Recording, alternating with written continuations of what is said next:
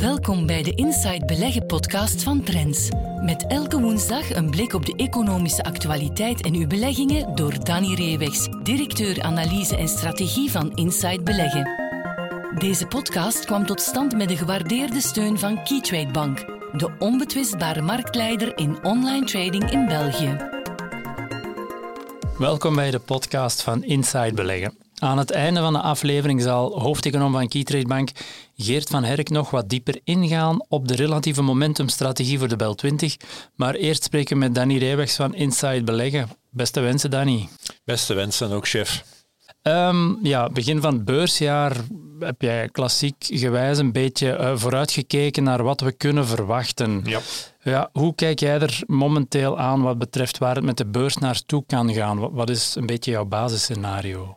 Ja, ik ben al zeer opgetogen over die eerste beursweek. Het is al prima verlopen, zeker voor de Europese aandelenmarkt. En al helemaal anders dan vorig jaar, toen eigenlijk de eerste week al zwak was. Want mensen denken, ja, de beurzen zijn maar beginnen zakken vanaf de oorlog in Oekraïne begonnen is eind februari, maar dat is absoluut niet waar. De piek werd echt in de eerste dagen van januari gezet en dan was er ja. de daling al door uh, die inflatie en dus strenger wordende uh, centrale bankiers uh, daar samenhangt het mee. Ze hebben dan alleen versnelling hoger moeten schakelen uh, toen die oorlog effectief is begonnen en hebben de beurzen het nog lastiger ja. gekregen. Maar dus we zitten in een ander scenario, een ander beeld. En het eerste punt daarbij is inflatie. Die is toch wel, uh, of meer en meer signalen dat die gepiekt heeft ja. in het najaar van 2022 en dat we daar nu toch wel een, een vertraging zien.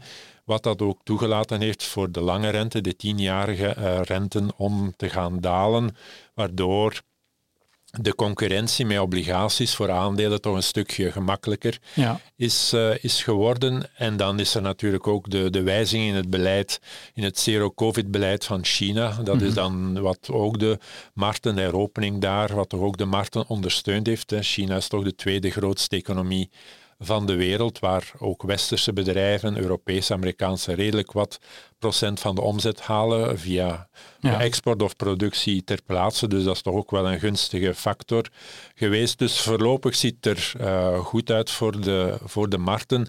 Maar dat wil niet zeggen dat het sowieso een, een ja. onbekommerd beursjaar 2023 wordt. Nee, want je hebt naast die meer fundamentele factoren, heb jij ook naar een meer technische factor gekeken, het zogenaamde 200-daags gemiddelde. Ja. Omdat dat ons ook wel iets vertelt over wat er de afgelopen twaalf maanden is gebeurd en, en wat dat kan zeggen over waar het met de beurs de komende maanden naartoe zal gaan. Wat, wat vertelt dat gemiddelde ons uh, zoal? Hoe moeten we daar naar kijken? Ja, 2022 uh, was in tegenstelling bijvoorbeeld met 2008 geen dramatisch jaar. Nee. meer, wel wat meer voor Wall Street, voor de Amerikaanse beurzen, maar zeker niet voor de Europese beurzen, maar zelf voor de S&P 500, dus de Standard Poor's 500-index, de grootste en belangrijkste beursbarometer van, van Wall Street, is eigenlijk die lange termijn opwaartse trend die we hebben sinds uh, 2009 na de financiële crisis. Ja. Die is niet gebroken geweest door de coronacrisis en voorlopig ook nog niet door de inflatie, de energie- en koopkrachtcrisis die we uh, het afgelopen jaar hebben ja. beleefd. Dus dat 200-daags gemiddelde lange termijn is nog altijd opwaarts gericht en is niet doorbroken geweest. We hebben er, oktober, november hebben we het aangetikt, hè, mm -hmm. zijn we er heel dichtbij geweest, maar sindsdien is Wall Street toch wel wat in herstel. Gelukkig, omdat op dat moment ook die inflatie tekenen van, uh, van een piek gaf. En dus mhm. ook bijvoorbeeld de Amerikaanse centrale bank in december niet meer met 75, maar met 50 basispunten uh, die basisrente heeft uh, opgetrokken. Dus dat zit nog altijd goed, maar ja. we kunnen er niet onuit dat technische beeld op korte termijn, hè, dus over de voorbije twaalf maanden, dat dat wel dalend is met dus altijd maar lagere toppen ja. en lagere bodems. Dus dat betekent ook dat we eigenlijk geen lagere bodem meer kunnen hebben, want dan doorbreken we dat 200-daags uh, gemiddelde op een negatieve manier. En dat betekent ook dat we de komende maanden van die lagere inflatie, lagere lange rente moeten gebruik maken om te kunnen doorstijgen en dat patroon van lagere toppen te doorbreken. En dan hebben we toch de kans dat het nog een, een, een goed tot zeer goed beursjaar kan worden. Maar dat moeten we nog altijd zien. En ik verwacht dat we dat in de eerste drie, vier maanden van dit jaar al heel duidelijk gaan uh, kunnen weten waar we naartoe gaan. Ehm, en dat zal dus niet alleen te maken hebben met inflatie en rente, wat, wat, wat wel basis is van de slechte beursomgeving in 2022, maar bijkomend element worden de bedrijfsresultaten. In 2022, zeker de eerste jaren waren die nog fantastisch. Het was al minder in het derde en wellicht nu nog minder in het vierde kwartaal.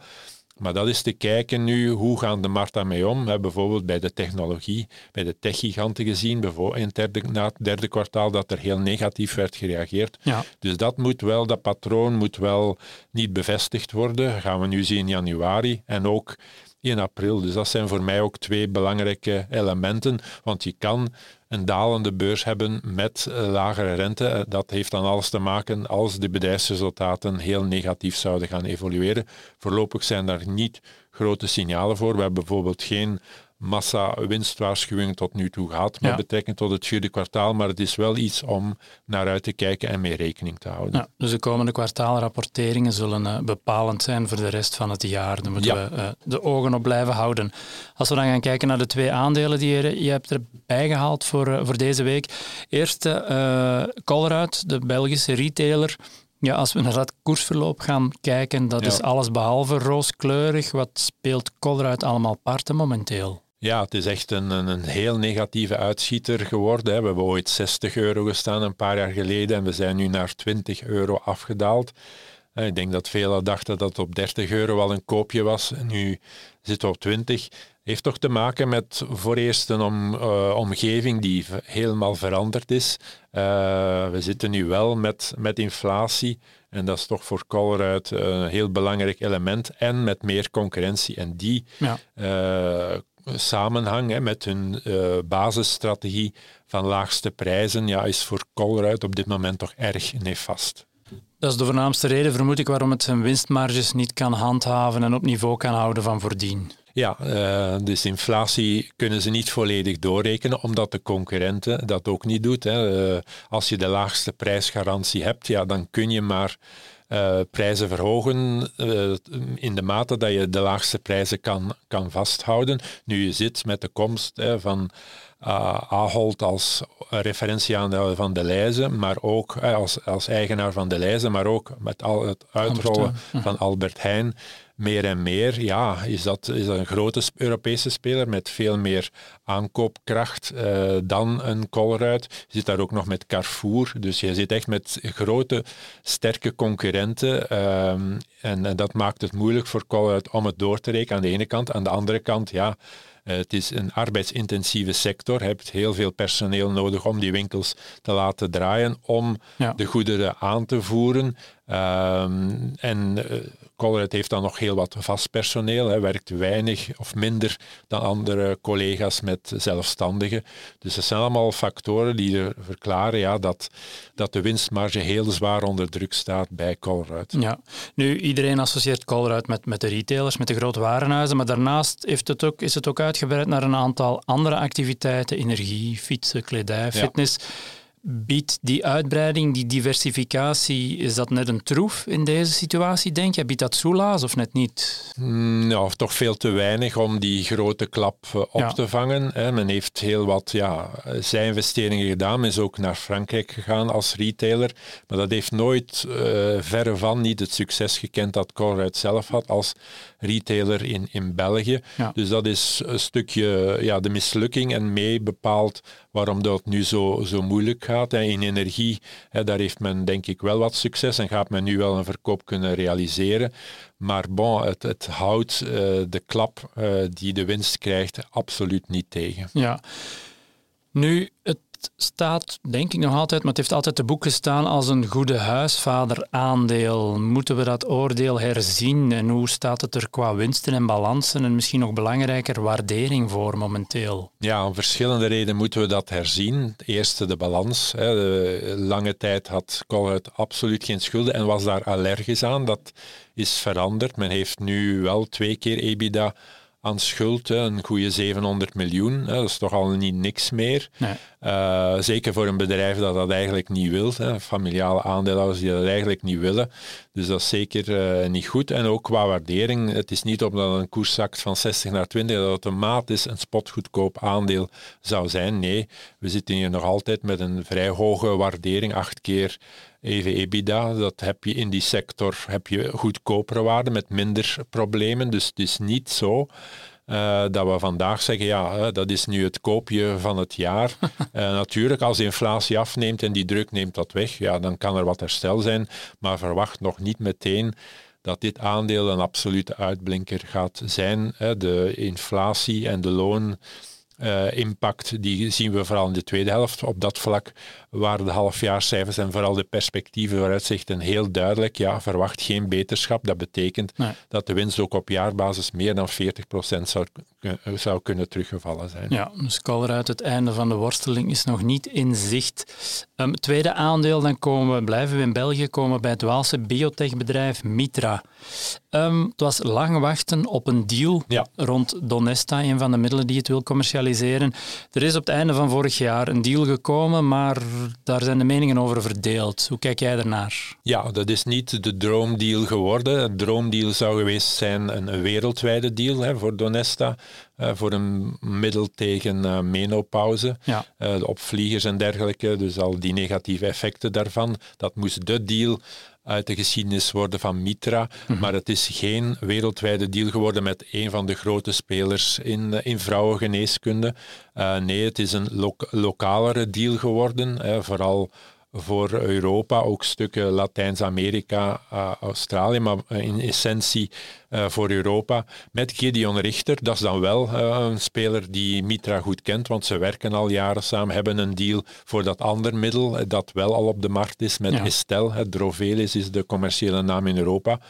Uh, Mitra is zeer tevreden tot nu toe uh, van die samenwerking. Het product is in Europa gelanceerd in de loop van 2022, heeft ongeveer een 10 miljoen ja. aan omzet gedraaid. Analisten zijn daar niet van omvergeblazen, is niet niet het wauw-verhaal tot nu toe, maar uh, ja, de partijen kennen elkaar, dus dat is wel een goede, een goede basis. Maar uh, Amerika, uh, en ook in menopauze is dat de markt. 60% is nog altijd geen deal. Ja. Mitra zegt daarover, we willen die sluiten in de, in de eerste helft van 2023. Maar uiteraard, uh, ja, eind vorig jaar is dat niet de deal geworden, de licentiedeal waar iedereen op had gehoopt. Ja, dus het is een beetje uitstel en blijf afwachten voor, ja. of dat er voor Amerika nog iets uit de bus komt. Ja, wat mij eigenlijk opviel, en misschien om even bij stil te staan, uh, het is niet omdat er een deal is dat Donesta überhaupt al commercialiseerbaar is. Nee. Daar moeten ook nog stappen gezet worden. Ja, dus de fase 3 resultaten, vooral voor Amerika, die moeten er nu snel gaan aankomen. En natuurlijk, ja, het is een beetje hetzelfde basisprincipe als Estel. Dus normaal gezien mogen zich daar geen uh, problemen voordoen, maar je weet maar nooit. Hè. Het is niet de eerste keer dat uh, eh, FDA bijvoorbeeld uh, op een onaangename manier zou verrassen op basis van ja. de resultaten zien. Dus die moeten nog altijd in orde zijn. Het is niet dat het sowieso door Nessa zal goedgekeurd worden, maar hè, ook Gideon Richter gaat ervan uit dat dat wel gaat, gaat gebeuren en is dan bereid ook nog mijlpaalbetalingen daaraan te koppelen. Ja. De deal nu is ja, 55 miljoen uh, voorafbetaling, um, maar dat is natuurlijk niet de 150 à 200 miljoen die mogelijk was geweest in een globale deal. Ja, want het blijft een biotechspeler die tot het moment van commercialisering vaak cash verbranden. Hoe ziet het ja. er financieel voor Mitra uit? Die deal biedt dat enigszins?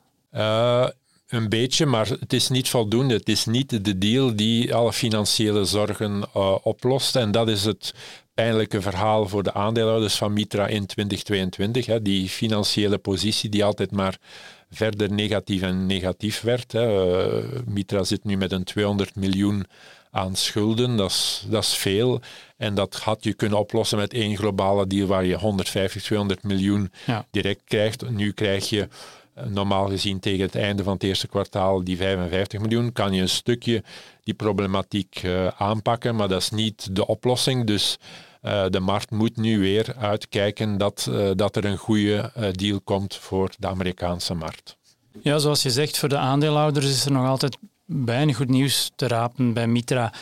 Het zit ook in de, in de portefeuille van Inside Beleggen. Het interesseert me wel, hoe, hoe ga jij daar als belegger mee om? Uh, het blijft voorlopig nog in de portefeuille zitten. Waarom? En met dit type bedrijven, hoe maak jij de afweging? Op een bepaald moment gaat er wel eens een punt moeten komen waarop je zegt eruit of erin. Hoe, hoe ga je daarmee om? Ook emotioneel misschien zelfs ook. Ja, die biotech-aandelen in de, in de portefeuille dat was een globale aanpak met de richting 2025 uh, eh, gericht. Ja. Uh, natuurlijk heeft één mega succesverhaal opgeleverd tot nu toe met Argenix. Hè. Dat is die koers al meer dan maal 25 gaan en we zitten er nog altijd in. Dus daar hebben we dat lange termijn perspectief uh, ten gunste genomen. Andere zijn veel minder succesverhaal. Galapagos leek lange tijd een succesverhaal geworden, is het absoluut niet. Uh, geworden. En daar hebben we op een gegeven moment wel al afscheid van genomen. Nu, voor Mitra zal het punt van de beslissing zijn de Amerikaanse deal. Ja. Tenslotte daar hebben we ons uh, op gemikt. Hè. Het verhaal van Mitra draaide minder om Estelle, maar vooral om Donessa. Dus daar moet het dan gaan, uh, gaan gebeuren.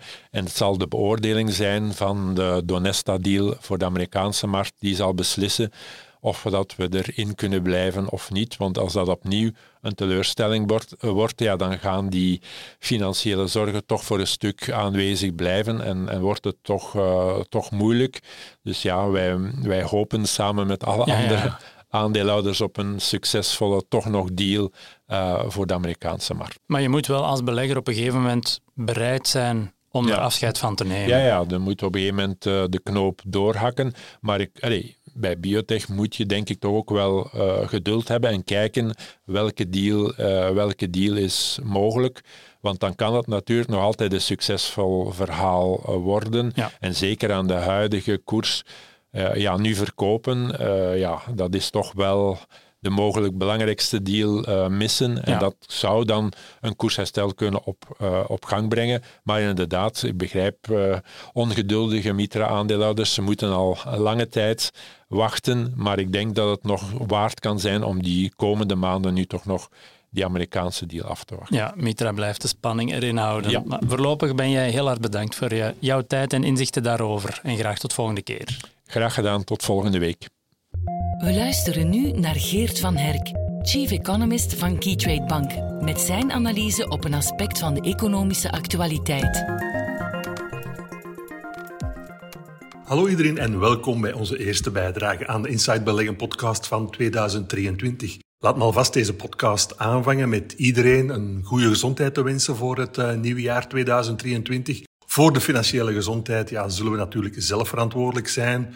We zullen natuurlijk ook af en toe wel eens geholpen worden, hopen we toch, door de centrale bankiers, die misschien wat minder agressief uit de hoek gaan komen in 2023, waardoor ja, die beurzen toch wat meer ademruimte uh, moeten krijgen om te herstellen. Het slechte nieuws van 2022, de recessie, de hoge inflatiecijfers, ja, die zijn al duidelijk in de koersen verrekend. Laat ons ook nu hopen dat we in 2023 opnieuw ja, met optimisme, met stijgende beurskoersen, obligatiekoersen, grondstoffenkoersen mogen aanvangen.